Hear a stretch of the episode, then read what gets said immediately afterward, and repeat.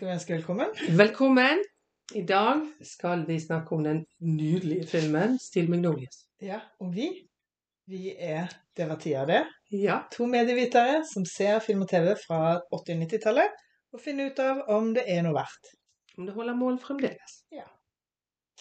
All right. Så kort, da. Eller, det er veldig kort. Denne filmen kom altså ut i 1989. Eh, jeg har regnet meg frem til at da var jeg 23 og studerte historie. Jeg var 16, jeg. Mm, Var det bare Nei. Jeg har ikke vært 16 hvis jeg var 23. Du kan ikke ha vært 23. I 1989. Nei, 20, nei 21. Ja. Ja, 21 var jeg. Det var gøy. Begynner, vi Vi begynner er, vi er i Det er overgangsalderen. sant. Det, det, det er dette som gjør at eh, Ja, men hvor var du hen da i verden? Ja, 21. Nemlig var fremdeles jeg studerte historie. som det gjorde jeg fordi eh, Nei, det vet jeg. Så det, og jeg vet også av den samme grunn at jeg ikke så den filmen den gangen, som sikkert gikk på kino, eller var den rett på video? Nei, nei, Nei, jeg gikk på kino. kino, ja. Ja. Eh, men da gikk jo jeg bare i filmklubben og så fransk nybølge der. og, og sånn. Ja. Så, så jeg var veldig lite populærfilmlig akkurat på det tidspunktet i mitt liv. Dårlig periode for deg. Veldig dårlig periode. Så, så jeg har sett denne seinere, som jeg er litt sånn usikker på når kan ha vært. Men det må ha vært noen år seinere der jeg slapp Ja. den franske nye bølgen. Ja, nettopp. På video. På video. Mm Ja. Og du så den på kino? Eh, dette er en kompleks historie, fordi jeg så den eh, ikke på kino. Den, eh, jeg bodde jo på et sted som ikke hadde kino. Den eh, gikk på kino på Bryne en gang som jeg og mor var på Bryne og tenkte denne filmen må vi få med oss. Så vi ringte hjem. Det var ikke noen bil på dette tidspunktet. Ringte hjem til hustelefonen for å si til far at vi blir seine hjem til middag. Far tar ikke telefonen. Så mor bestemmer at vi kan ikke se den filmen, så vi kjører hjem. Hvorpå far bare har vært ute i hagen og holdt på, og ikke har hørt telefonen. Da ble jeg, jeg var jo 16, så jeg ble jo dritsur. I, eh, ja, helt fram til mor døde, faktisk. Så var jeg sur for dette. Um, men det ble jo en slags, for meg og mor så ble det et slags metalag til hele greien. sant? Fordi at det at hun følte at hun måtte rapportere hjem, og ikke kunne ta seg friheten av å gå på kino en søndag, eller hva det var, det gjorde denne filmen rikere for oss. Men så så vi den på et tidspunkt, og jeg tror ikke det var på kino, fordi vi gikk jo aldri på kino. Så det må ha vært VHS, kanskje? Mm. TV? Det var ikke så lenge etterpå. Det var det ikke. Nei, jeg, jeg har ikke noe minne av det, og jeg husker ikke helt når jeg slapp eh, pretensiøsiteten på akkurat sånne ting som Dette Det må vi snakke om, altså. Mm Jøss. Der, der har jeg aldri vært. Men OK. Eh, Så i alle, men i alle fall når jeg nå vel først så han, Ja. så har han jo blitt en sånn fast uh, følgesvenn gjennom livet. I, Ja. i, I godt og vondt. Det har vært mange anledninger der den eneste veien ut av det har vært å se Still Magnolias. Ja, absolutt. Ja, nei, for meg og mor var det jo en følgesvenn.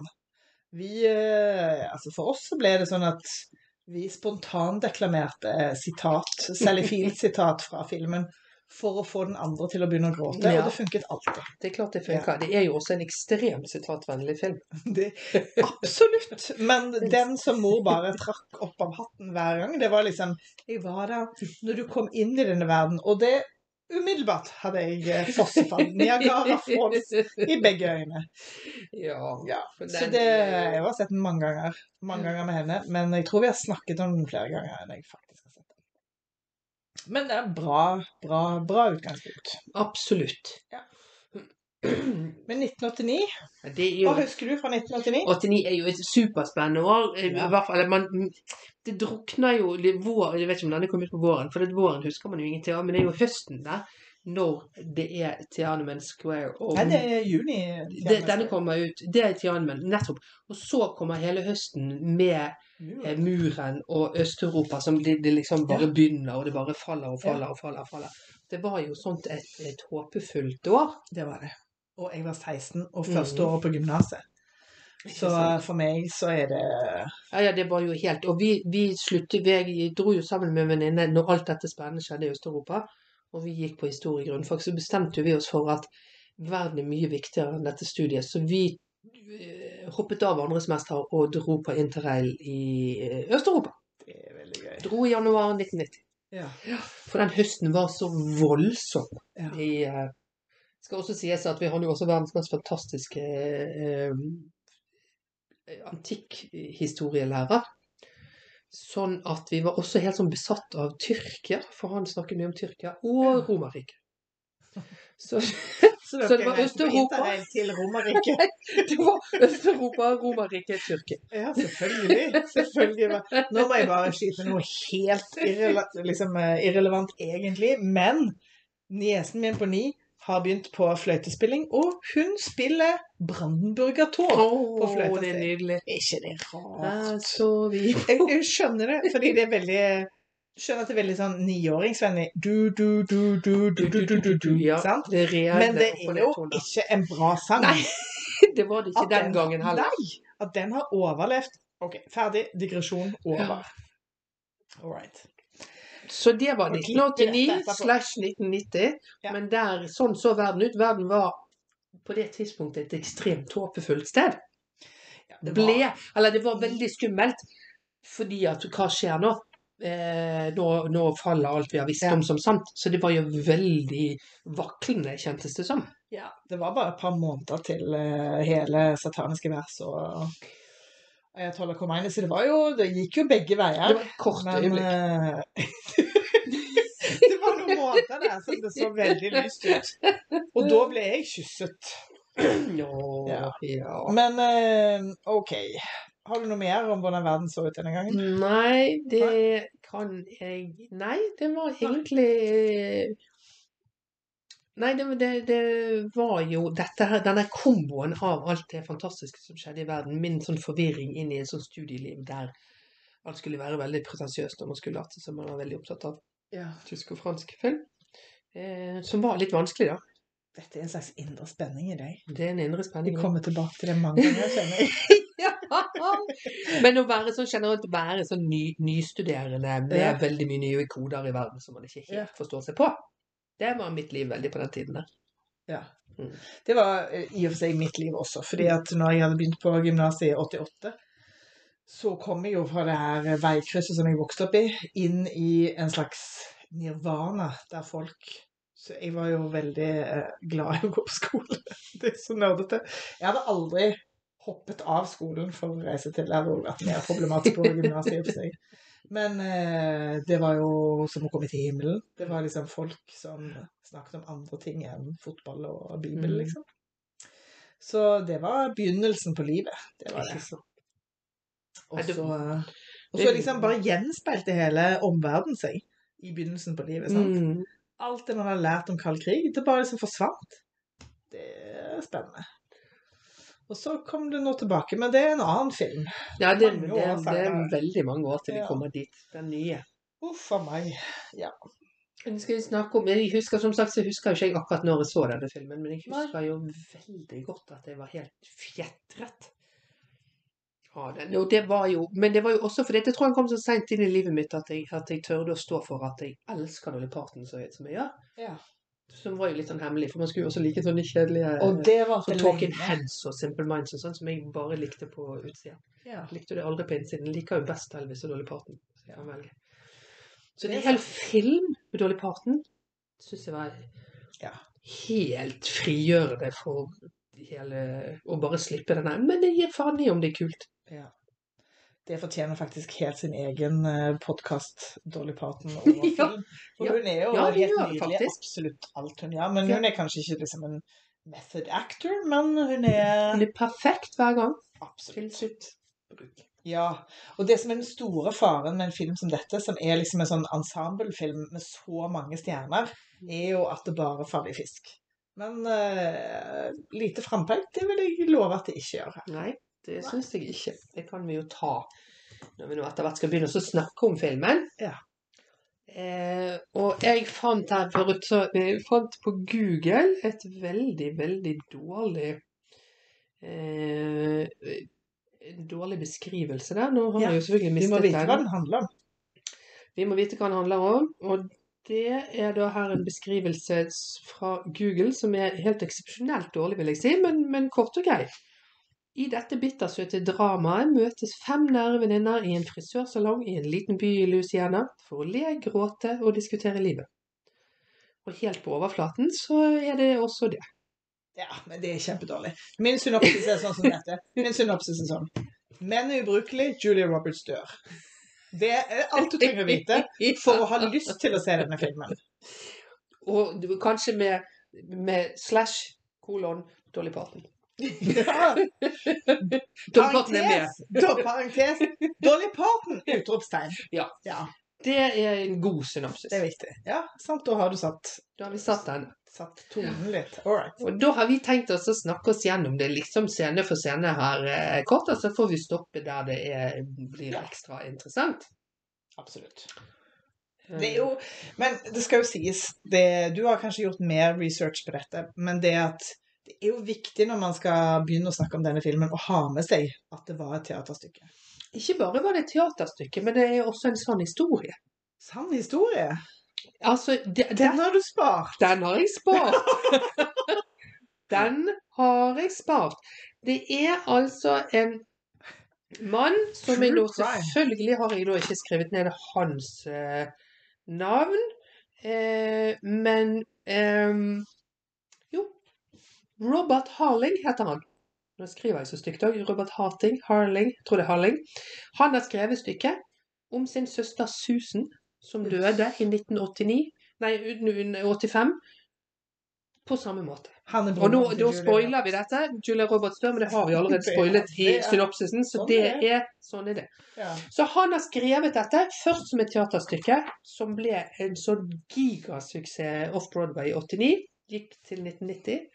Og fordi det var så kjempesuksess, så ble det da film i 89. Så det gikk jo Ja. jækla fort her, da, skal Det sies.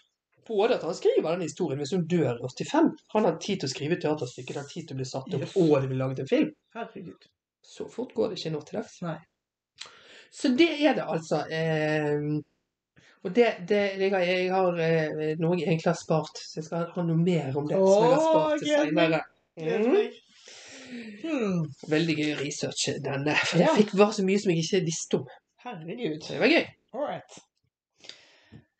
Ja. Vil du ta starten? eh? Jeg kan ta starten. Mm. Ja, vi åpner med at Daryl Hannah, som jeg pleier å kalle henne, eh, som her heter Hva heter hun? Eh. Annelle. Annelle.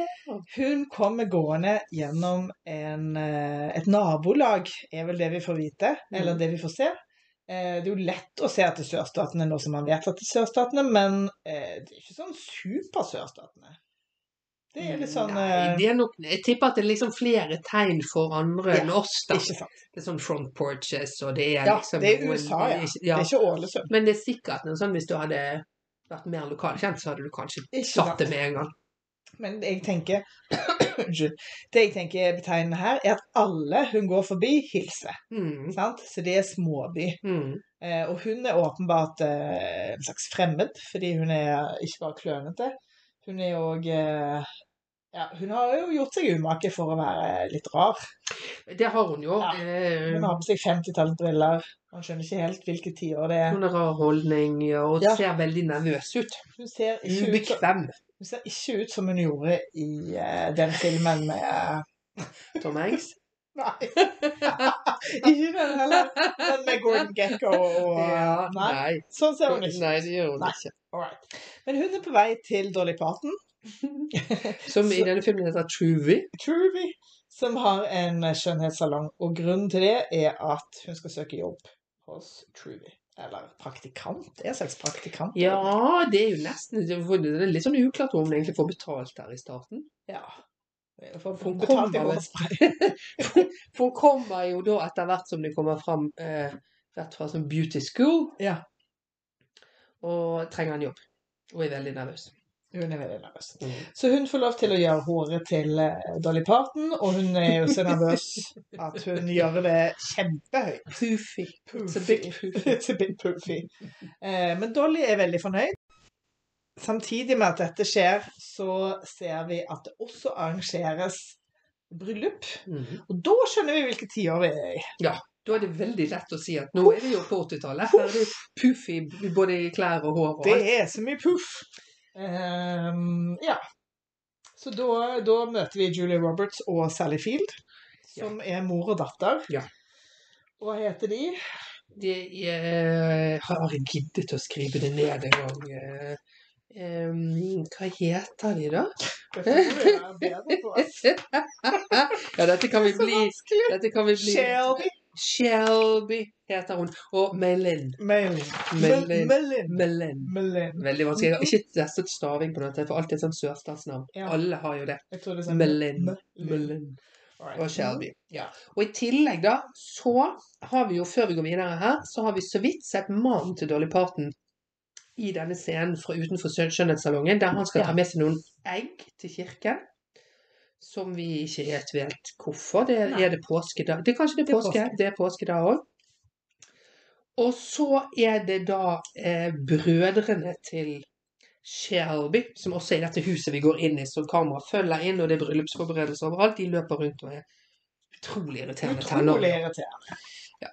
Vi skal ikke snakke så mye om de, for de er ekstremt de, uviktige. De fortjener ikke omtale knapt. Men uh, Tom Skerritt spiller mannen til Ja. Melin, altså faren til Shelby, og han er jo veldig deilig. Men i denne filmen er han òg totalt ubrukelig. Helt ubrukelig. Spoiler, totalt ubrukelig. Ja. Men jeg må bare pause når du sier sånn Er det påsken òg? Det er jo eh, Denne filmen øh, jobber jo bare med høytid.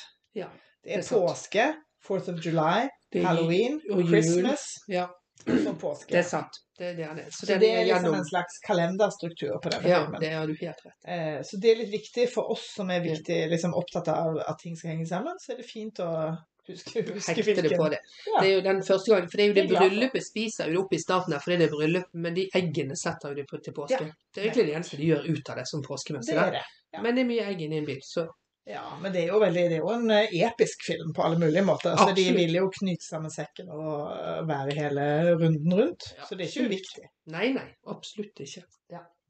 Og bare kommentere fort at NL søker da jobben ikke som beautician, men som glamour technician. ja.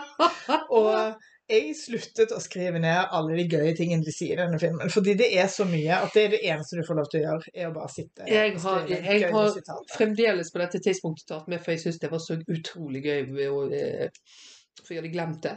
Eh, Men den første historien True forteller til Annelle om en av naboene, Ja. hun sier When it comes to suffering, she's right up there with Elizabeth Taylor. Det er veldig gøy.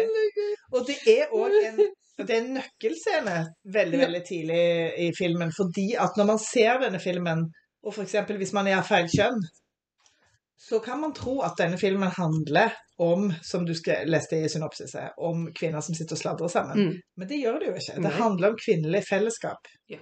Det er viktig. Det må Som- man ha med seg. Som jo skal sies er mye basert på småprat og, til, Ja. og, og sladder, og man knytter seg sammen med det. Vet du hva som ikke som Sladder har jo en sånn her ufortjent Å, det er så slemt. Nei, det er ikke det. Ja, det er omsorg. Det er omsorg. Det er oms syrlig omsorg. ja, det er det det. Ja. I filmens univers så er det den måten folk bryr seg om på hverandre. Ja. På hverandre. Så det, det er viktig. Uh, all right. Ja, vi, men vi treffer jo Det er jo pepres jo med kjendiser. Ja. Eh, så Olympia Dukakis melder sin ankomst. Hun spiller Clary, eks-borgermesterens kone. Yeah. Føles jo òg litt sånn eh, som en rar informasjon, men jeg tror at det at hun er liksom en slags maktperson, Ja, det er det er jo viktig her. Det er jo viktig fordi at ingen menn er viktige i denne historien. Ja. Så er det da hennes rolle i funksjon av å være Ja. Og det er vel på et tidspunkt senere, er det ikke på et tidspunkt så sier, noen som sier at det er du som skulle vært borgermester? Det, blir er Ja. en sånn bisetning, det er ikke noe som er noe viktig, men hun settes, og hun er jo mm, altså Selv om alle er sånn veldig pent påkledd hele tida, så er jo hun av en annen klasse Ja. Hun er veldig stilig. Veldig stilig. Og hun har så mye penger at hun kan kjøpe en radiostasjon. Ja. Og et fotballag. Nei, det var bare radiostasjon. Bare- kjøpte hun ikke fotballaget til slutt? eide, nei, hun eide det fra før, tror jeg. Fordi hun snakker fotball helt fra starten.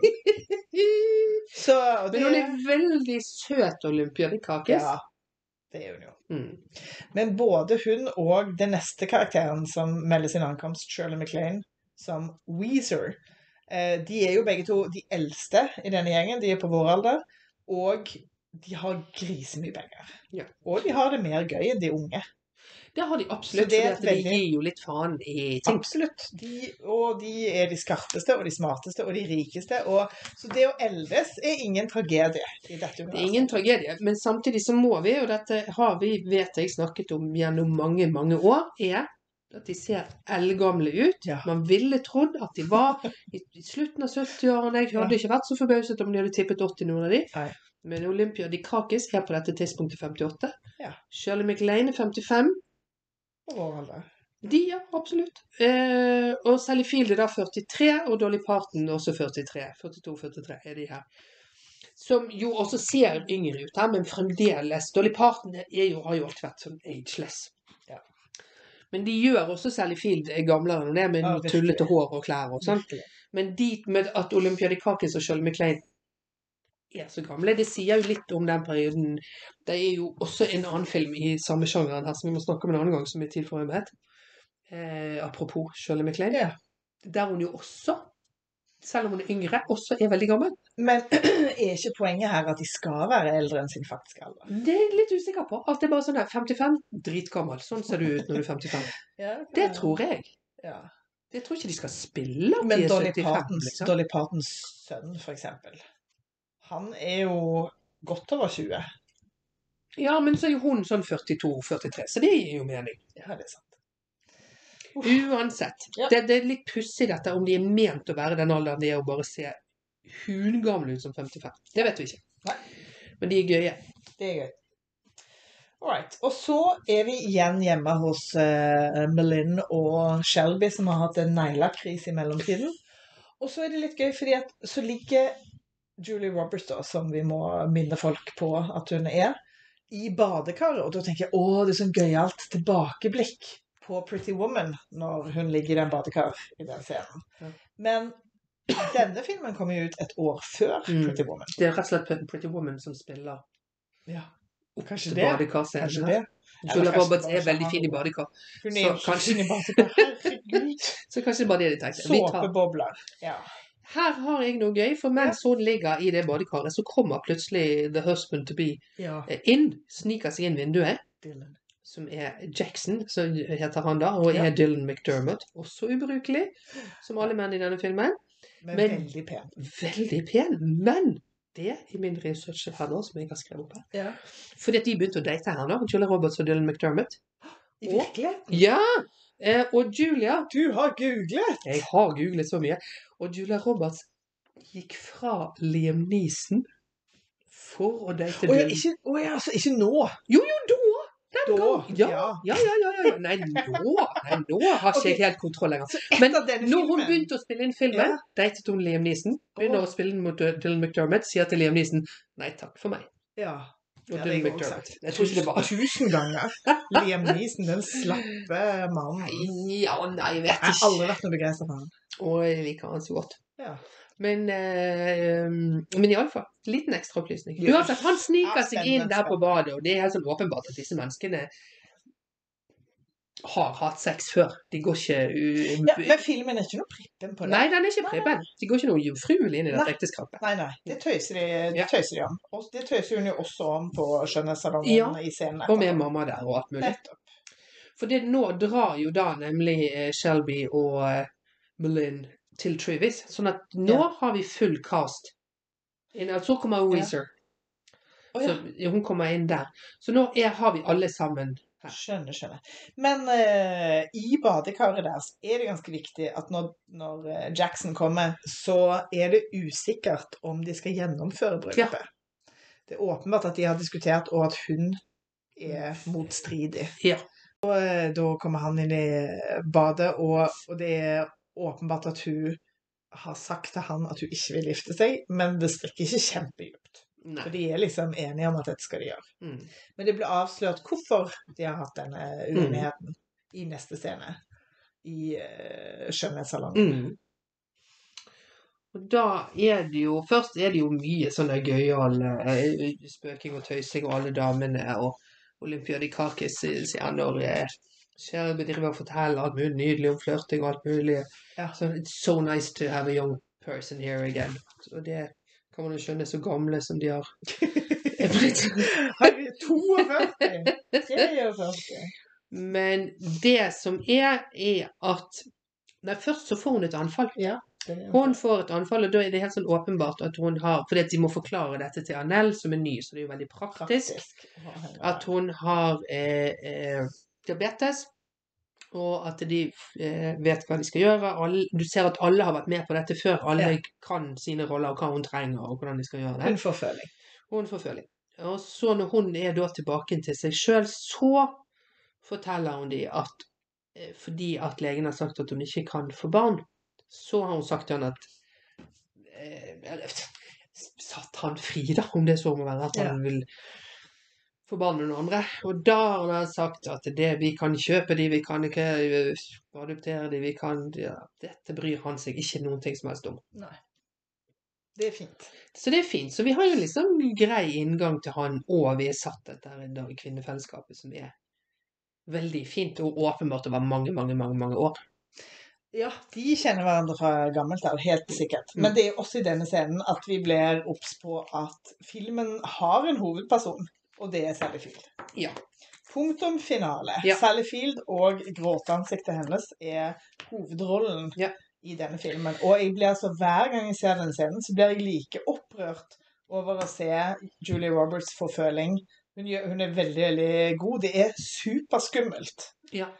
Eh, og Sally Field sin måte å håndtere dette Mm. på, med liksom en sånn slags trygg morskap. Hun har jo vært litt sånn irriterende fram til da, Ja. sant? Hun er sånn med brudens mor irriterende. Ja, og, Og litt sånn kontrollerende. Ja. og så kommer hun, og så er hun jo sånn mor. Hun er der før situasjonen, hun ser det Ja. skje før det skjer, og vet nøyaktig hva hun skal gjøre, og har nøyaktig det hun skal ha i vesken sin, og får alle andre unna, og er Ja da. Der, der. Og så er i, i den scenen når uh, Julia Roberts snakker om det med barn og sånn, så ligger jo kameraet på henne, på, på Ja.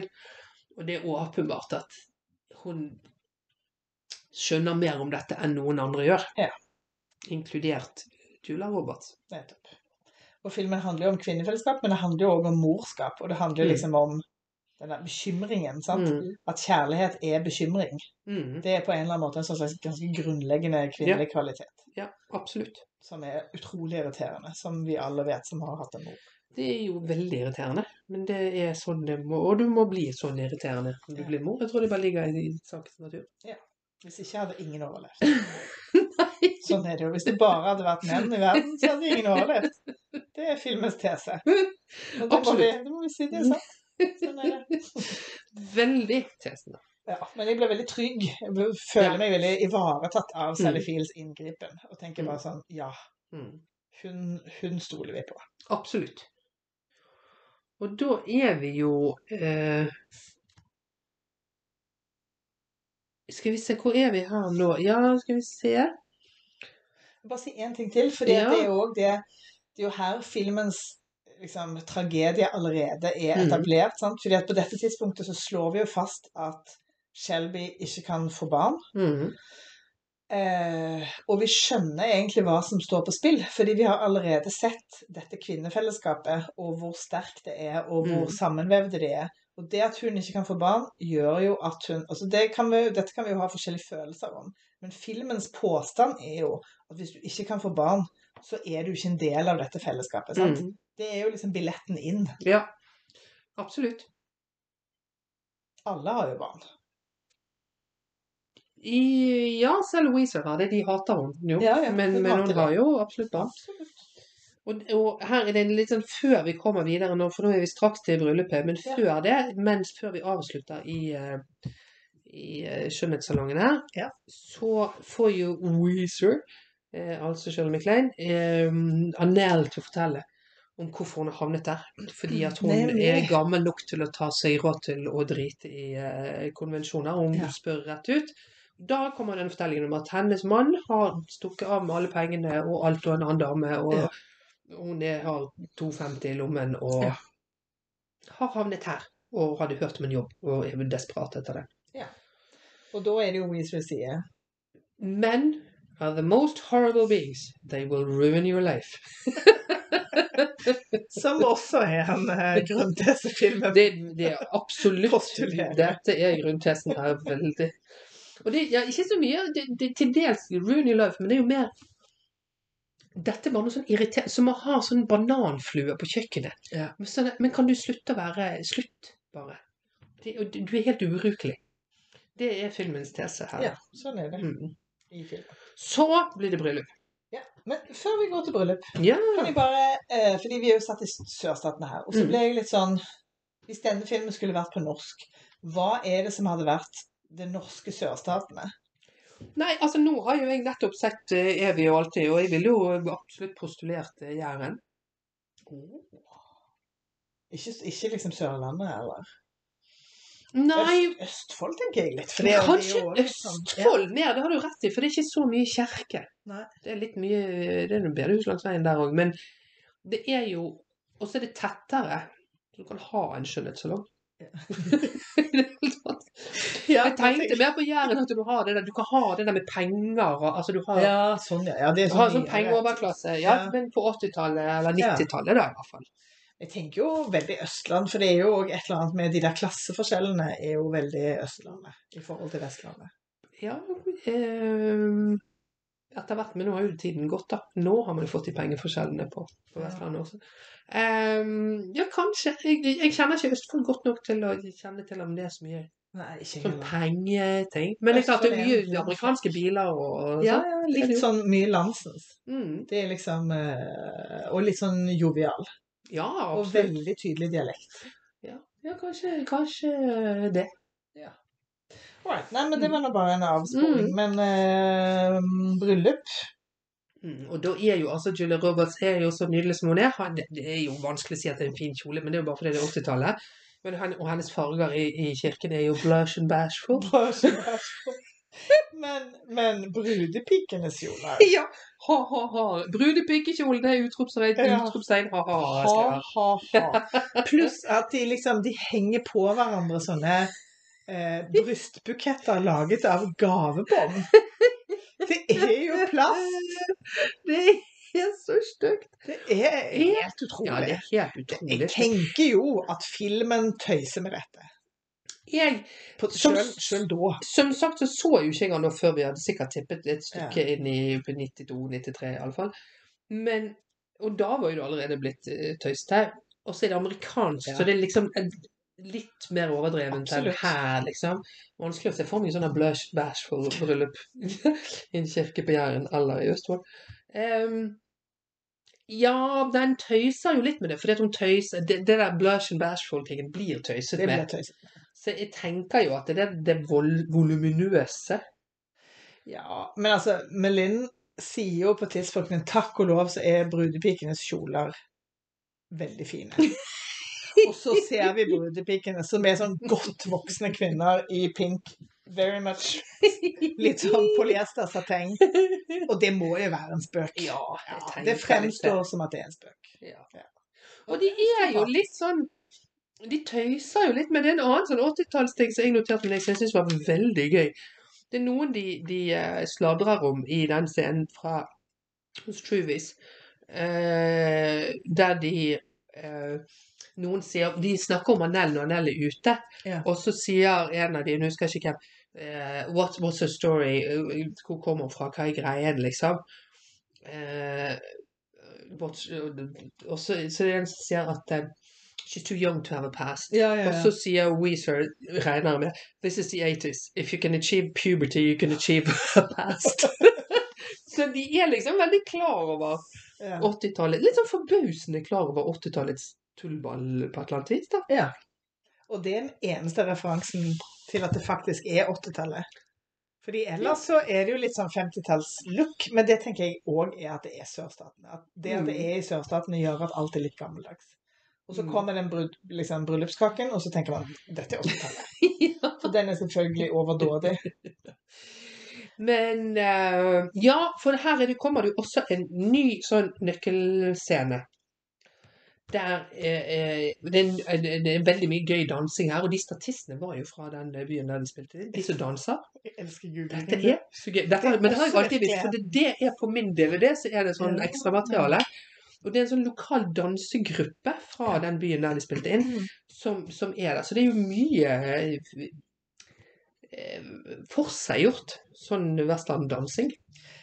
Altså, dette må jo hete noe, men det fremstår jo som sånn individualisert linedance. Ja.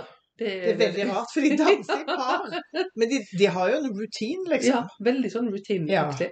Og det er denne danseklubben da, i hva det heter, bygda. Ja, ja, veldig autentisk. Men der danser jo Melin med Jackson, og der hun vil snakke med han. Han Ja. er ikke noe interessert i å snakke med henne, men hun vil ha sagt til han at det er superviktig at hvis ikke hun skjønner det, så må du skjønne det. Og han Ja. hører ikke etter. Ja, han skjønner det ikke. Han skjønner det ikke. Og det er helt det er no, det er vanskelig når man har sett den filmen så mange ganger, men det som er helt sånn åpenbart, er at det er en callback til den samtalen før, når hun snakker om det med barn. Mm. At det er det hun prøver å få sagt, Ja. mens han bare fjåser det vel bort. Ja. Så hun kommer aldri til saken.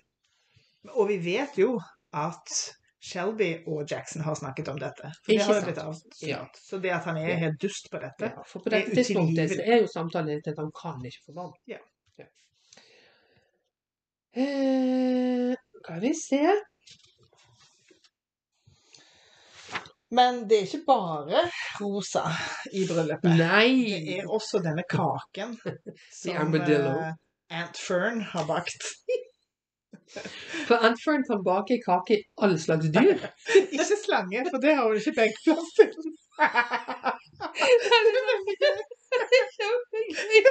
Hun er så stolt av sin egen kakebaking.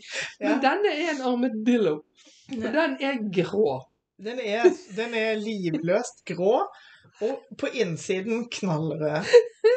Men det er litt fint, for Aunt Fern er jo Hun er med i hele filmen. Ja, jo hun er også med til siste scene, faktisk. Det syns jeg er litt sånn rørende. Ja. ja. Det er veldig fint. Så det er òg en sånn slags Selv om hun ikke får eh, Hun har ikke fått tre Oscar-nominasjoner på dette tidspunkt, så hun får ikke lov til å være i skjønnhetssalongen. Så er det Hun er der. åpenbart at selv kvinnene på Jacksons side stiller opp. Ja. Det er det som er det kvinnene som stiller opp, er jo ja, filmens grunntese her. Nemlig. Eh, og da er det jo eh, Og så er det jo også veldig sånn sørstatsaktig der eh, den nåværende borgermesterens frue, Ja. som er litt Ja. korpulent, danser i en veldig i trang kjole. Hva faen er en girdle? Unnskyld å avspråke deg. For det, Ja. er for det de Det er sier er Ja, det, jeg tror det var sånn hofteholder, men det må jo være sånn som holder inn magen òg, da. For hofteholder holder jo bare opp strømpene, så det må jo Dette, være jeg tror ikke at vi i vår tidsalder har opplevd en en girdle. Det må være noe som holder inn. Ja. Altså, så det er som en sånn hold-in-truse, men Ja. korsettaktig. Ja. Fordi at uh, Weezer og For de står og snakker om det, og, Ja. og nemlig sier 'no girdle'. Og da har de en sånn lang prat om, prat om at 'jeg har aldri gått uten, ut av huset uten en girdle'. Ja. 'You were brought up right'. Så da er det jo helt sånn åpenbart. Og da kommer det jo også, fordi at når det kommer bilen kommer som de skal dra på bryllupsreise med, Ja. disse ubrukelige brødrene og sånn, og de skytes med pistol opp og sånn, da har de også på seg sånne sørstatssoldathatter.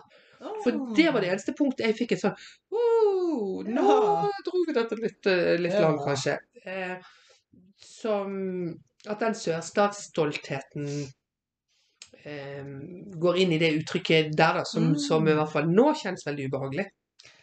Ja.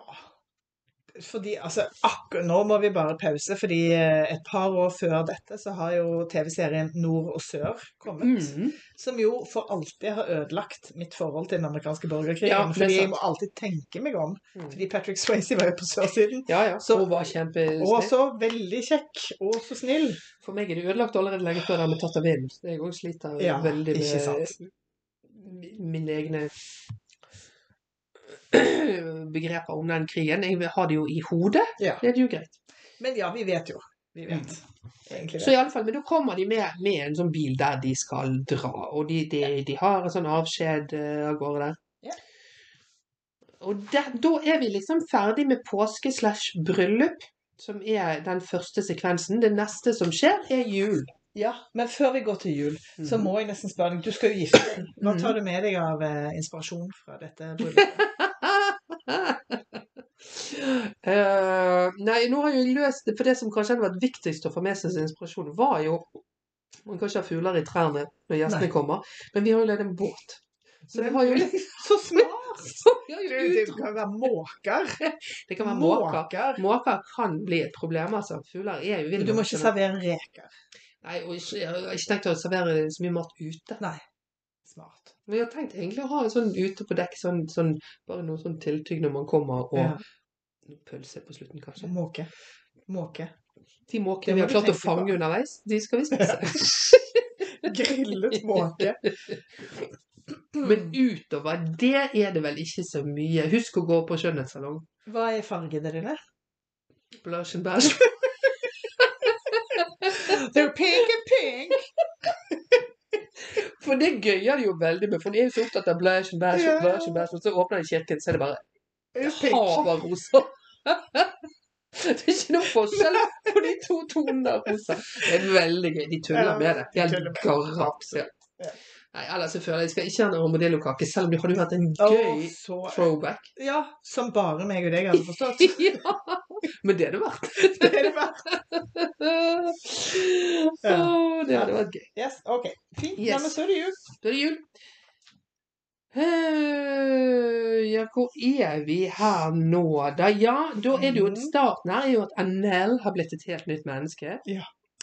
Altså, og i tillegg, og i mellomtiden, når vi ikke har sett henne, for dette forteller jo hun etter hvert at hun har vært I was out, I was drinking, at hun har gått litt sånn crazy, men at uh, Truby fikk hun på rett kjøl, ja.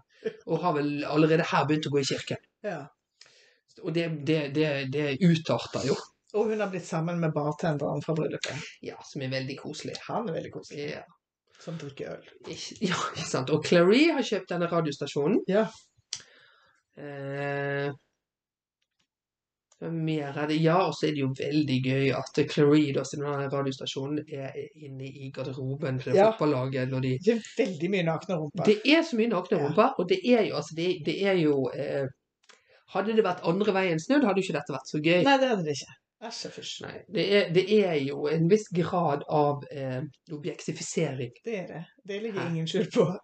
Me- Metoo er åpenbart lov hvis de kunne. ja, det er klart, det var jo det. Ja, det var det. Men det aller, aller viktigste Ja. er jo her at eh, Shelby forteller mora si at hun er gravid. Ja. Nei og nei, har jeg skrevet her i en kommentar til meg Ja. Nei, og nei. Og- Prikk, prikk, prikk.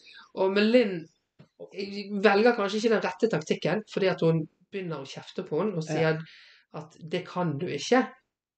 Eh, og at eh, hun er ikke som andre, du har ikke helse til det. Hun ser jo uforskammet frisk og rask ut det. alt Så det. vi skjønner jo ennå ikke Selv om helt liksom har, hun har hatt den følingen og alt det der, men det er jo, det virker jo Melin veldig sånn overbekymret Ja, for at men det må vel gå greit. Ja. Men hun er så bekymret, og du kan ikke, du kan ikke utsette kroppen din for dette. Og det er viktig, som du sa tidligere, at vi tror på dette tidspunktet at Julie Roberts ikke kan få barn. Ja, Det er jo det vi har trodd skal Ja. være ment å tro frem til dette. Nettopp. Og det tror jo Ja. alle de andre òg, så alle ble jo kjempeglade når hun forteller det.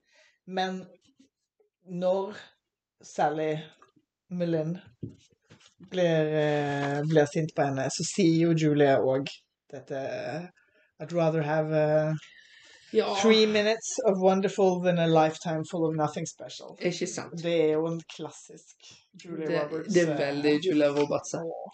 Og hun leverer jo det fullstendig troverdig. Man er jo totalt med henne. Ja, ja, absolutt. Få den ungen! og det er absolutt det man tenker at det, hun, eh, Ja. det er riktig valgt av henne. Det er feil. Men så sier hun jo også som er litt sånn ubehagelig I want a child of my own. I think it will help things a lot. For Ja. da blir man jo så nervøs for er dette forholdet helt ræva. Ja. Men det får vi aldri noen forklaring på. For aldri noen forklaring. Nei.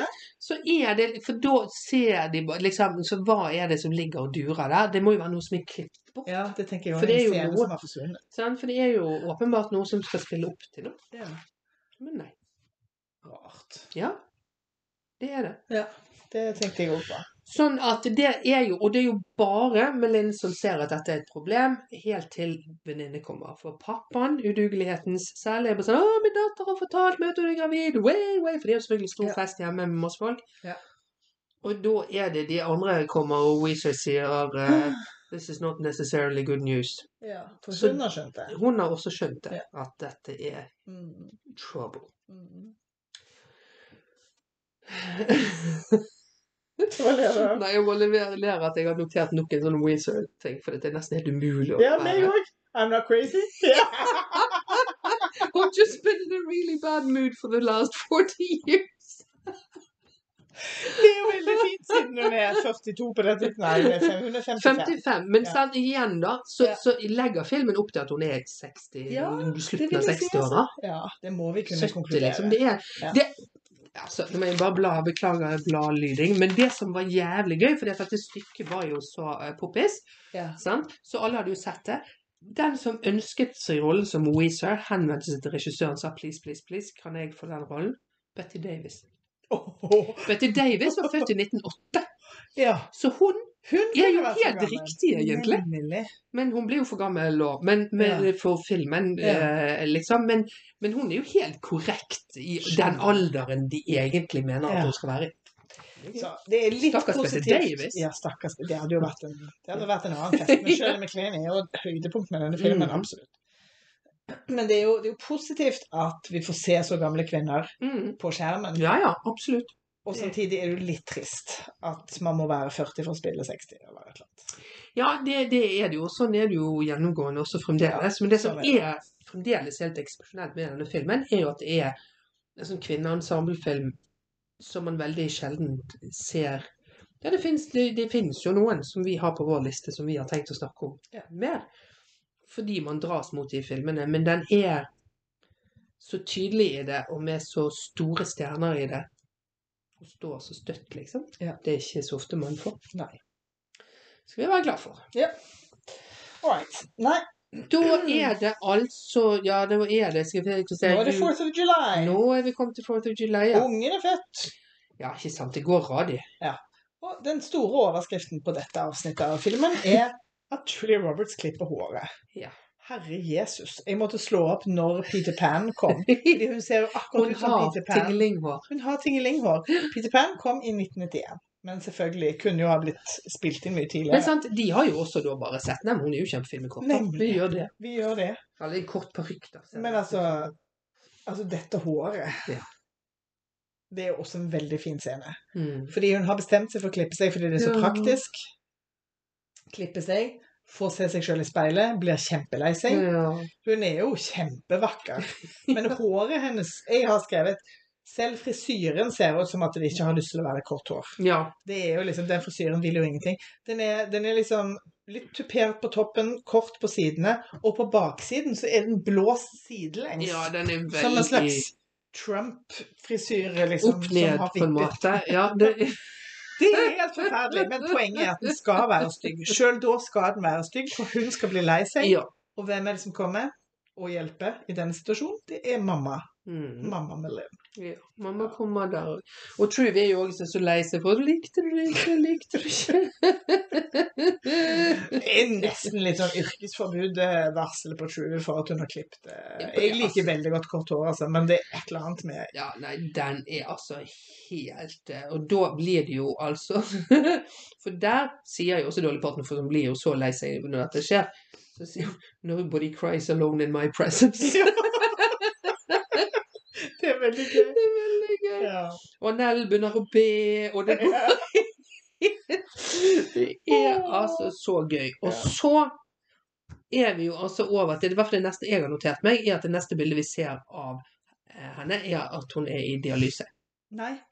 Eller snakker de om dialyse? Nei. Ja, de snakker om det fordi hun, hun blir så lei seg over Det, håret. det selvfølgelig Og så det, sier hun hun vil ha manikyr, og da får vi se armene hennes. Ja. Som jo Sånn. ser ut som en eh, Ja, sånn sprøytenarkomans armer. Det er Ja, fordi at ved fødselen og for barn så har nyrene hennes klappet sammen, og hun må ha en transplantasjon. Og Melin selvfølgelig har en nyre som passer.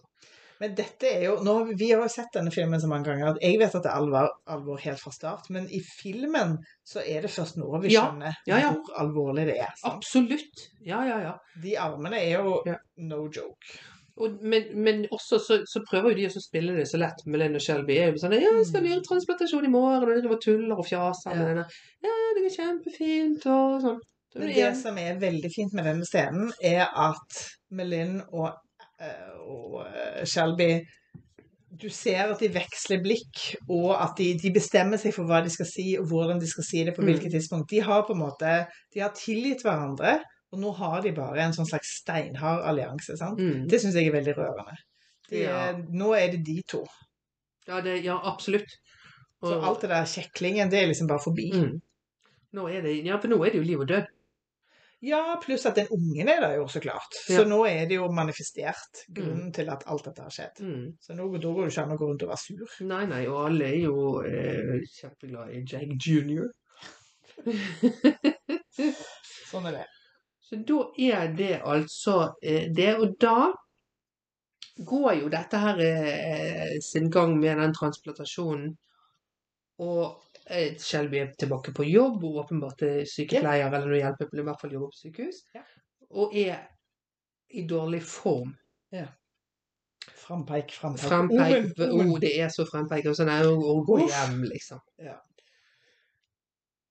For dette er jo egentlig Nå har det skjedd, nå har det gått en stund. For nå Ja, er det halloween. Eh, fordi eh, Annelles eh, bridal shower skjer da i halloween. Halloween, ja. Så vi følger med at OK, men det er jo en klassisk og veldig smart måte å gjøre det på. Nå har det gått tre måneder. Fint. Ikke sant. Og, og, så, og så har jeg bare skrevet her 'Å nei, nå skjer det'. For det, der kommer den der fryktelige scenen, som er helt forferdelig. Ja. Når eh, Julia Roberts faller sammen. Hun er hjemme alene med Vi ser faktisk ikke at hun faller sammen. Nei, vi skjønner det jo, fordi at Jack Junior er alene. Ja. Eh, men i hvert fall så er ikke Jack senior ikke hjemme. Så det er jo bare dette lille barnet. Men det er veldig gøy, faktisk, fordi at eh, Hvem vet hva han peker på? Men når Dylan McDermott Jackson kommer hjem, finner ungen skrikende, da skjønner vi jo at Ja. Oi, hjelp, liksom. For hun, vi har, hun har jo vært uvel i scenen før. Ja. Eh, men, og så plukker han opp ungen og liksom går og leter etter Ja. koden sin. Men ungen sitter og peke Ja. liksom Ja. ut på Kan det godt være eh, Nemlig. Gå ut der, du litt dumming! Dette har de sikkert gjort fem ganger før. Eh, Det er som en sånn hund som drar i båndet, liksom. Ja. Vil gå den veien. men eh, ja. Dylan McDermott. Pen, ikke så god skuespiller. Nei, han er jo ikke det, altså. Men der ligger Julie. Der ligger hun. Eh, og Med det korte håret sitt. med det korte håret sitt. Og da er det neste scene er på sykehuset. Ja. Med Sally Field. Jeg har skrevet dette er veldig lite følsomt av meg, men jeg har skrevet veldig dårlig parykk på Julia. Ja, i, uh, I sykesengen. Den ja. er veldig, veldig dårlig. Den har sklidd litt. Og da driver Sally på, og det er Hun synger, hun gjør fysio, og altså, Wake up, Shelby. Wake up, wake up, open your eyes, Shelby. Ja. Jeg har ikke skrevet noen notater fra den scenen. For den er så- den. Den er så forferdelig. Og den er grusom. Hvor de der mennene går inn og ut og inn og ut. Å, ja, den er forferdelig. Og hun er der, hun er der, hun er der. Eh, helt til siste slutt, for den er jo Nei, den er forferdelig. altså. Ja, det er forferdelig. Og vet du, nå skal jeg fortelle deg det som jeg ikke fortalte deg i sted. Ja. Fordi Altså, han som skrev denne eh, serien om søsteren sin, historien. sanne historien. I den scenen her så er det de ekte legene og sykepleierne. Hun som slo av maskinen for Susan, Men søstera hans, er den som slår av maskinen det er sånn til Shelby. Ja. Tenk det! Og tenk at de gikk med på det på sykehuset. Så det er på samme sykehus, alt er ekte sykehus. Ja, er... Det Hvor fant du denne informasjonen? Nei, jeg fant en helt sånn glitrende all things. Ja, og everything to know about. Yes. Oh, nei, det Hmm. er jo Nei, det er en, det er en grusom dødsscene. Og igjen så er det jo bare mor. Far og brødre kommer inn Ja. litt sånn vagt, men de er jo ikke noen viktige personer i dette. Nei, og de sier jo, de står jo der og sier ha det. Ektemann òg er jo der. Ja, han har jo glemt på dette Ja, ja. tidspunktet. Ja, han var der òg. Han var der liksom nesten Mm. til slutt. Men det er veldig rart, fordi i mitt minne så er det så er det særlig Field som skrur av maskinen Mm. og leverer den gravferds, gravplasstalen ved sengen. Det stemmer jo beviselig. Men eh, sånn er det i mitt uh, Ja, ja, ja, ja, ja. Men Julia dør. Ja, det gjør hun. Ja. Sukk. Og så drar jo hun og henter Jack jr. For ikke noe om at hun skal deale med alt med dattera si på sykehuset, men da skal hun da hente denne Ja. det barnebarnet som åpenbart pappaen ikke har følt noe behov for å hente. For han er vel da hos ja, noen sånne tanter med ja. Ja. Så ja, nei, hva skal vi Hva skal vi med med det? Ja, og så er det begravelse, så det er jo ikke så langt etter, får man anta. Og det er jo eh, Der er jo liksom en av filmens nesten meste det er jo, Nå har vi snakket om en veldig rørende scene, men Dolly Parton driver og gjør seg klar til å gå i denne begravelsen. Og der Mm. kommer altså mannen hennes og Ja. har kledd seg og vil være med. Og det er jo en slags sånn Ok, vi kan jo ikke behandle menn så dårlig. De må jo Han syns jo har litt sånn redeeming features både der og faktisk senere. Han har jo tatt seg på tak. Det er jo Sam Shepard. Så Men han har jo tatt seg på tak. Han har jo åpenbart vært liksom dypt deprimert. Ja. Hun har jo vært veldig snill med han med å prøve å få han med på ting, men han vil jo ikke være med på ting. Men nå har han liksom åpenbart kommet ut på den andre siden, muligens i en sånn Jeg tror det filmen prøver å si, er jo litt sånn OK, det, man måtte jamføre. Ja. Og så har han dratt seg litt ut av Ja. sin egen eh, lille dal. Ikke sant. For han sier jo på en måte at han hadde ikke klart Han hadde ikke Nei. klart det som Jackson må Ikke sant. gjennomleve. Nei. Nei. Nei, det er fin, det er en fin scene. Ja. Det er også veldig fint, fordi at han sitter liksom litt sånn åndsfraværende og gunker med en sånn uh, skål med ansiktsmaske ja. som står der. Uh, og så sier han liksom hva, i all verden er det her for noe? Og så sier, så sier eh, Dolly Parton, eller Truvy, hun sier det er for It makes you pretty. ja. Sant? Men det er jo ikke det. Det har vi skjønt på dette tidspunktet. Den ansiktsmasken det er bare symbolet på det Mm. fellesskapet. Grunnen til at vi går her og gunker rundt med denne greia, er fordi at da får, du, da får vi lov til å snakke om alle tingene våre. Da finner vi vennene våre, men òg en eller annen form for mental helse, da, som Ja. menn kanskje ikke klarer. Absolutt. For menn er ikke bare ubrukelige, de er jo òg helt isolert. Helt. Disse mennene har jo ikke noe fellesskap. De er jo slynget sammen i disse bryllupene og i begravelsene, og, men de, vi ser de jo aldri henge sammen Nei, nei. eller uh, snakke sammen eller Absolutt ikke. Så, Og han blir jo beviset på hva Ja. som kan skje hvis man blir eh, Absolutt, ja, ja. Og han har ingen, fordi at da har det noe jobb han har mistet, og sånn, og da er han Ja. liksom helt gått i kjelleren. Ja. ja. Ehm, hva er det jeg har skrevet? Og så holder jeg jo selv i filmverdens nydeligste tale etter det bryllupet. eh, Det bryllupet, hør nå hører ja. Eh, begravelsen. Når liksom alle har gått, og de fem damene er samlet Ja. igjen. Eh, og Nell, som jo fremdeles er irriterende religiøs, oh. sier et eller annet om at 'She's with Jesus now', eller noe sånt. Ja. Og får sitt pass påskrevet Ja. at det driter jeg i. Ja. Vil at hun skal være her. ja, det er jo noe sånn five, five stages of grief hun går gjennom der. Ja, ja, i løpet av den ene Ja, I løpet av en gåtur. ja. Men som er veldig fin og veldig rørende. Hun gjør det godt. Hun gjør det Ja. veldig godt.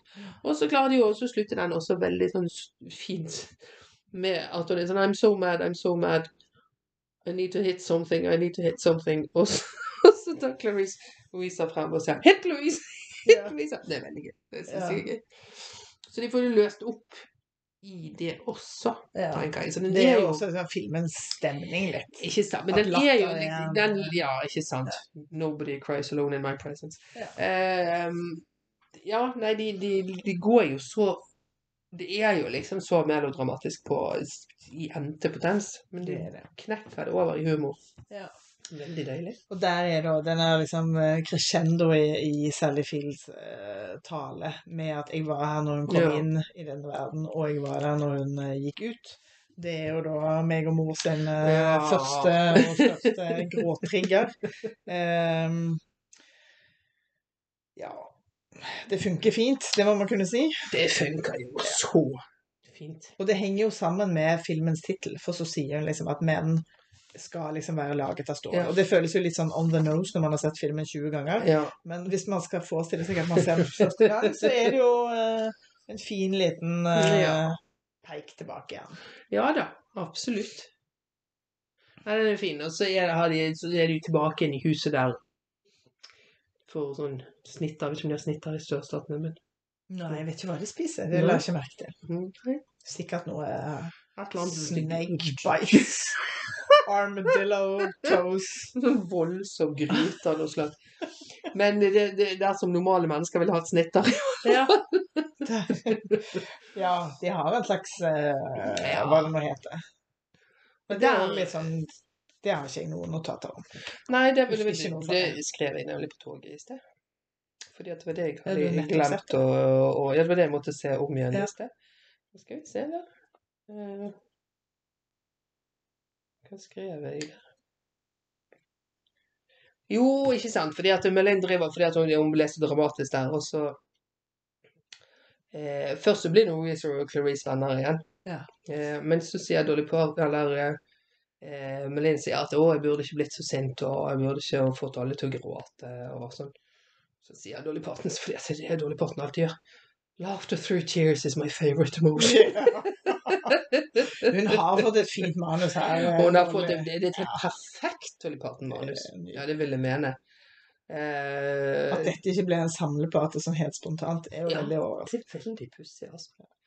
Eh, men det er egentlig bare mer sånn kos med de damene, egentlig. De bare, de bare forsterker disse båndene mellom seg.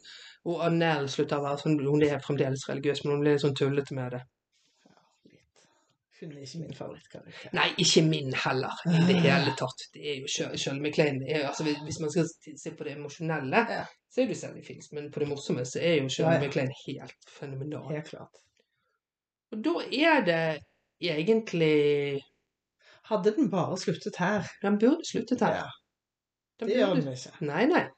For De- da skal det bli påske igjen. Ja. Med de der eggene. Ja, Verdens rareste tradisjon. For åpenbart, siden de klarer å knuse alle eggene i den første gangen vi ser de eggene, mm. så skjønner man da at OK, så de maler Mm. perfectly good egg.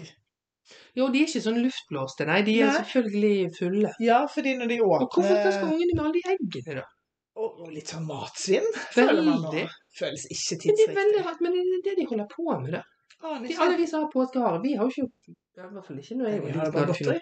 Ja. Ja, Nei. ikke påskehare. Jo, det- nei, ikke sånn i in real life. da. Nei, nei. Nei, nei, for han kjæresten til Nell er sånn Nei, vi har jo sånn labyrintting mer, da, med å finne liksom sjokolade og sånn. ja. Nei, altså, jeg syns den scenen Den er er- svak. Den er veldig svak. Eh, men funksjonen til den scenen er jo delvis å levere en del viktig informasjon, med at eh, han, eh, mannen til Truvy har begynt å jobbe på en oljeplattform, så han har det jo gått bra med. Han har jo liksom funnet seg noe å gjøre. Vi ser jo at eh, Shelbys mann, Jackson, eh, på en måte tar seg av ungen sin. Det er jo fint. Det er jo ingen selvfølge i dette universet. Eh, alle har det bra, og så er jo ringen sluttet både med at det er påske, men òg at Enel så klart er høygravid og føder. Ja. Så det er jo morskapet igjen som er en Ja. annen form for Det innebærer jo at hun trer jo inn i dette fellesskapet, Ja. som hun hadde vært for evig utenfor. Ja. Ostracized. Hun Hvis hun ikke hadde klart å klemme Hun hadde hadde godt der som ikke beautician, men Glamour technician. Det er veldig fint. Det hun hadde bare vært sånn assistent. Nå blir hun en del av eh, butikken. Og i tillegg så har jo han spødd mannen til, til um, han har jo til og med i all hemmelighet laget en ny salong til henne. Nemlig. Det er veldig fint. Ja, for det er sånn de viser seg sin become a kjærlighet. chain! Det er akkurat det. Ja, fordi han det- hadde jo ja. kjøpt salongen til henne når de liksom eh, først ble sammen. Ikke sant. Så det er en slags uh, renewal of the wows. Veldig. Så, så han er jo av disse uh, mannlige Så kan du si at ja, Jackson er der og tar seg av sønnen sin, men det er jo når han Jack jr. begynner å, å gråte, og, og sånn så er det jo, er det jo med Og Antfern. Og Antfern. damen. Eh, så nei, altså den sluttscenen er Og så er den så rar fordi at han skal Og, og Nell blir kjørt til sykehuset, og så kommer han kjæresten i- fremdeles i kostyme bak på en motorsykkel som sønnen til Dolly Parton kjører, som åpenbart skal være en sånn humorscene. Og kjører ut av bildet, og bildet trekker seg ut, og så går rulleteksten over det. Som er helt sånn Det er en, det er en så rar slutt. Ja, det er det. Og veldig rart å slutte med et bilde av de to mennene på en eller annen måte. Ja. Ja. Jeg tror at, jeg tror at uh, her har de ikke hatt noe godt utpunkt. Nei, det skulle man jo visst hva det teaterstykket går ut på. Mm, men der tror jeg at det er begravelsen punkt slutt. Tror ikke du det? Jo. De burde gått ut der. Absolutt. Kan du ikke slutte med den talen til Melin, for den er jo så høystemt at du må jo ha et par, par minutter å tørke tårene i salen. Men uh... Ikke sant? Men det har, de jo bygget inn der i den, liksom, i den snittscenen. Ja. Så det hadde jo vært helt Ja, fint å slutte det er det. Mm. Nei, enig. Den påsken kunne de ha spart seg for. Ja. Men man får jo lyst til å se det teaterstykket. Ja. Veldig. Det egner seg jo utrolig godt, Mm. tenker jeg, med, den, med skjønnhetssalongen som Det er jo så eh, fortettet Ja. der. Du trenger det er jo Nesten vel... alt kan skje der. Ja. Du trenger jo ikke være i det bryllupet. Nei. Nei, bryllupene trenger du ikke være. Kanskje litt sånn sykehus, Du må ha sykehusscenen, må du Ja. ha. Eller må du egentlig det? Fordi at den blir jo òg den blir jo òg fortalt av Sally Field. Ja, men du må liksom ha at hun ligger og dør, tenker jeg. Ja. Det tenker jeg. At du må Ja. ha hun i sykeseng. Kanskje en eller annen slags samtidighet på scenen der. fordi at hvis du Mm. har det settet, så er det jo jævlig Det er jo ingenting som skjer når hun er på sykehuset. Nei, nei, det må være en helt sånn eh, Ja. blackbox-aktig Ja. sak. Nå går vi rett i sånn scenografi. Altså. Ja, det blir man nysgjerrig på. Hvordan det er Ja, det, det kan man jo Eller hvordan de løste det. Og det er jo, men sant, det er jo ikke liksom eh, eh, Det er jo veldig det man ville kalle kvinnelitteratur hvis det hadde vært en bok. Er det. Ja. ja, bare altså Det er jo 98 sjanse for at det blir kalt det fordi at det handler om kvinner. Mm. Eh, men ja, nei, det er jo ikke noe, det er jo ikke noe som ble vist på Cinemateket i Bergen i 1989. Det kan vi slå Kanskje fast. fremdeles ikke. Kanskje fremdeles ikke. Rystende. Men eh, jeg syns jo fremdeles at det er en veldig rørende og samtidig veldig, veldig morsom film. For den er jo Den er mest morsom pakket rundt det der voldsomme dramaet.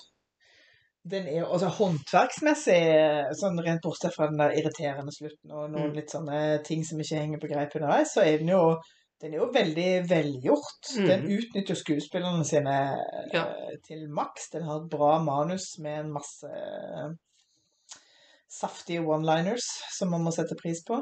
Um, ja, håndverksmessig bra film. Er det kunst? Nei, det er det ikke. Men det er jo ikke det vi skal rate her. Nei. Hva er det vi skal rate her? Vi skal jo Vi skal vel i hovedsak se på ville man anbefalt denne til Ja. eh, yngre mennesker nå. Ja. Og når man møter seg Det er klart, den filmen har jo vi sett jevnlig. Så vi møter oss jo ikke oss sjøl i døren på en sånn 'Men herregud, likte jeg denne den gangen?' Ja. Jeg kan ikke forstå dette. For den har jo fulgt med hele veien. Ja. Eh, ja, vet du hva? Jeg, jeg tenker at denne er litt sånn tidløs. Ja. I det dårlige, det, det, det dårlige klær og det rare hår og sånn. Men de emosjonene er så allmenngyldige. Og det som er vittig, er vittig helt uavhengig av tid og sted. De, de båndene og de, de har jo så jævlig god timing alle sammen, så de sitter så godt.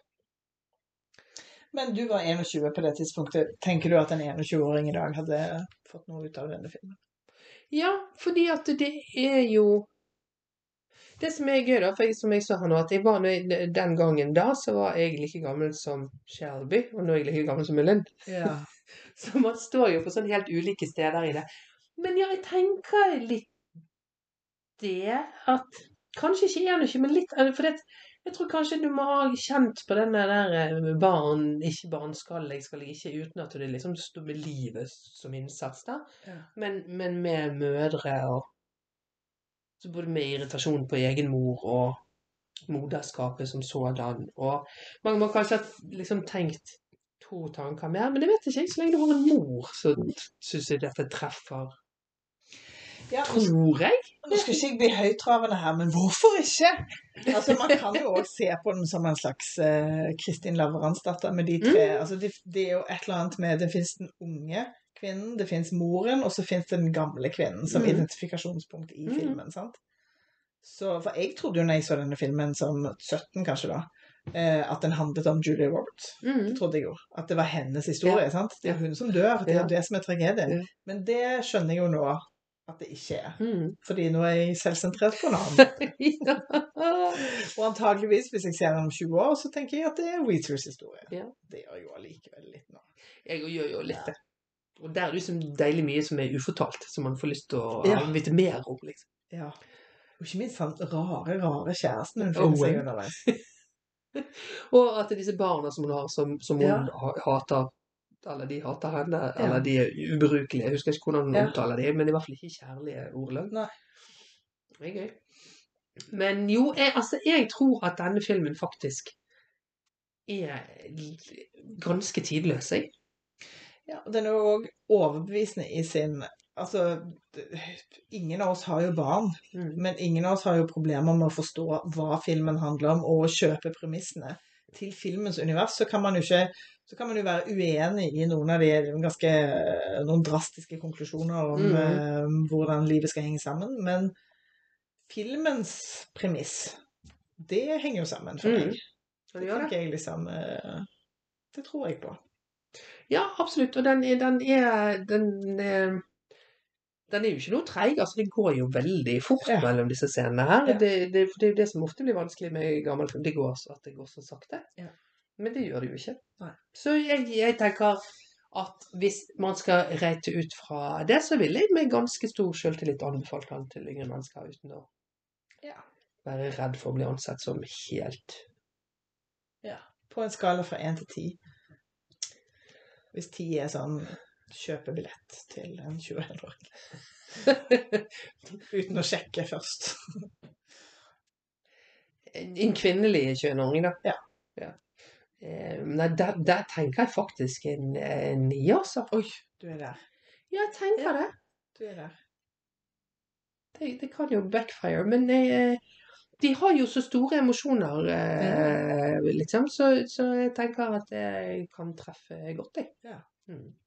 Er du litt lavere? Ja, jeg er litt lavere. Eh, Jeg er bare sju, men jeg syns sju er bra, liksom. Mm. Men det er mest fordi jeg tenker at eh, Jeg tenker på den 17-åringen, da, siden jeg var Mm. 16-17 og jeg så den filmen første gang, så tenker jeg at de Altså, vi hadde jo nesten ingenting annet som skjedde. Nei. Så det er bare sånn Det er bare ut ifra en sånn pessimisme om Ja, hva er det som skal skal til for at noen skal gå på kino. sånn. Ja. Ja, men det kanskje, da kan man jo si det om alt, og da blir det jo veldig traurig eh, Ja. liv å leve.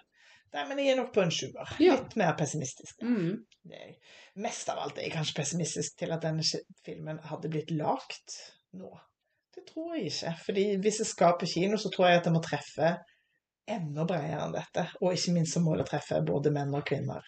I tillegg til liksom alle aldre. Ja, det, det med kjønns... eh, Det at den er så spesifikt Ja. kvinnelig, er jo spennende, syns jeg. At den har fått eh, lov til å få plass. Ja. Ja, på den tiden. Absolutt. Hvis du tenker på Bridesmaids, den er jo òg en veldig kvinne-kvinnefilm, Mm. men gikk jo veldig bra blant menn. Mm. Eh, fordi at den på en eller annen måte tappet inn i noe sånn hangover-aktig komediegreie. Mm. Her tenker jeg at det er smalere enn det, Mm. og at det ville vært et nei takk i dagens situasjon, når nesten ingenting kan etableres på kino som ikke liksom er Marvel, eller Ja, da kan man jo i dagens eh, nyheter glede seg over The Banshees of Inisherin, som eh, har Ja. ni Oscars-nominasjoner og går sakte på irsk. Ja. Ja, nå er det filmklubben som snakker. Ja, det er menn. Men den er vel også morsom. Jeg har ikke fått sett den ennå. Men um, den har jo det der humorstøket. Men igjen, det menn, da er det lettere å få plass i en kino. Sånn er det. Så. Selv om menn ikke går på kino. Det er damer som går på kino. Så, men der, det er verden vi lever i. Hmm. Så, men eh, men sånn alt i alt så eh, jeg er veldig glad jeg fikk sett den om igjen en gang til. Jeg, da. Det er alltid Ja. en god anledning for å se Hvor mange ganger har du sett den nå, tror du? 17, kanskje. Ja, vi er oppi der, ja. Ja. Ja, det vil jeg tro Ikke Ja.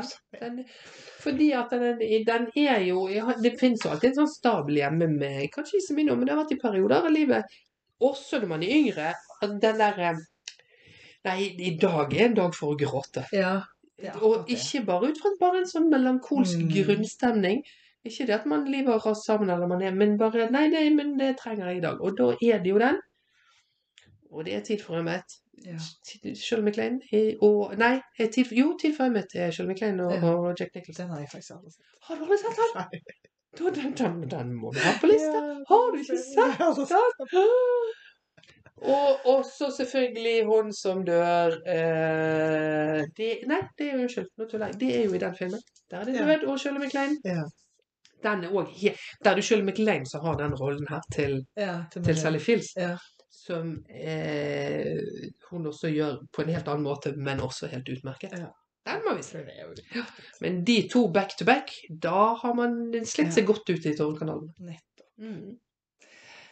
Ja, når mor mi ble, var begravd samme dag, så reiste jeg hjem og så så jeg eh, The Way We Were, som var Ja. eh, enda en klassiker som jeg og mor elsket. Men jeg kunne jo godt ha sett denne Mm. og fått utløp for Men det hadde kanskje blitt for mye. Kanskje. Ja. Kanskje litt for mye. Pluss at det trengs jo bare den ene setningen. Jeg kan røre meg sjøl til tårer. Nå som mor er vekke, så rører jeg meg sjøl til tårer. ja. Det er sånn eh, emosjonell onani. ja. Men det er bra, det. Man skal gjøre det. Yes, laughter through tears is my favorite. Nobody cries alone in my presence. ja, Takk til Dolly Parton. takk.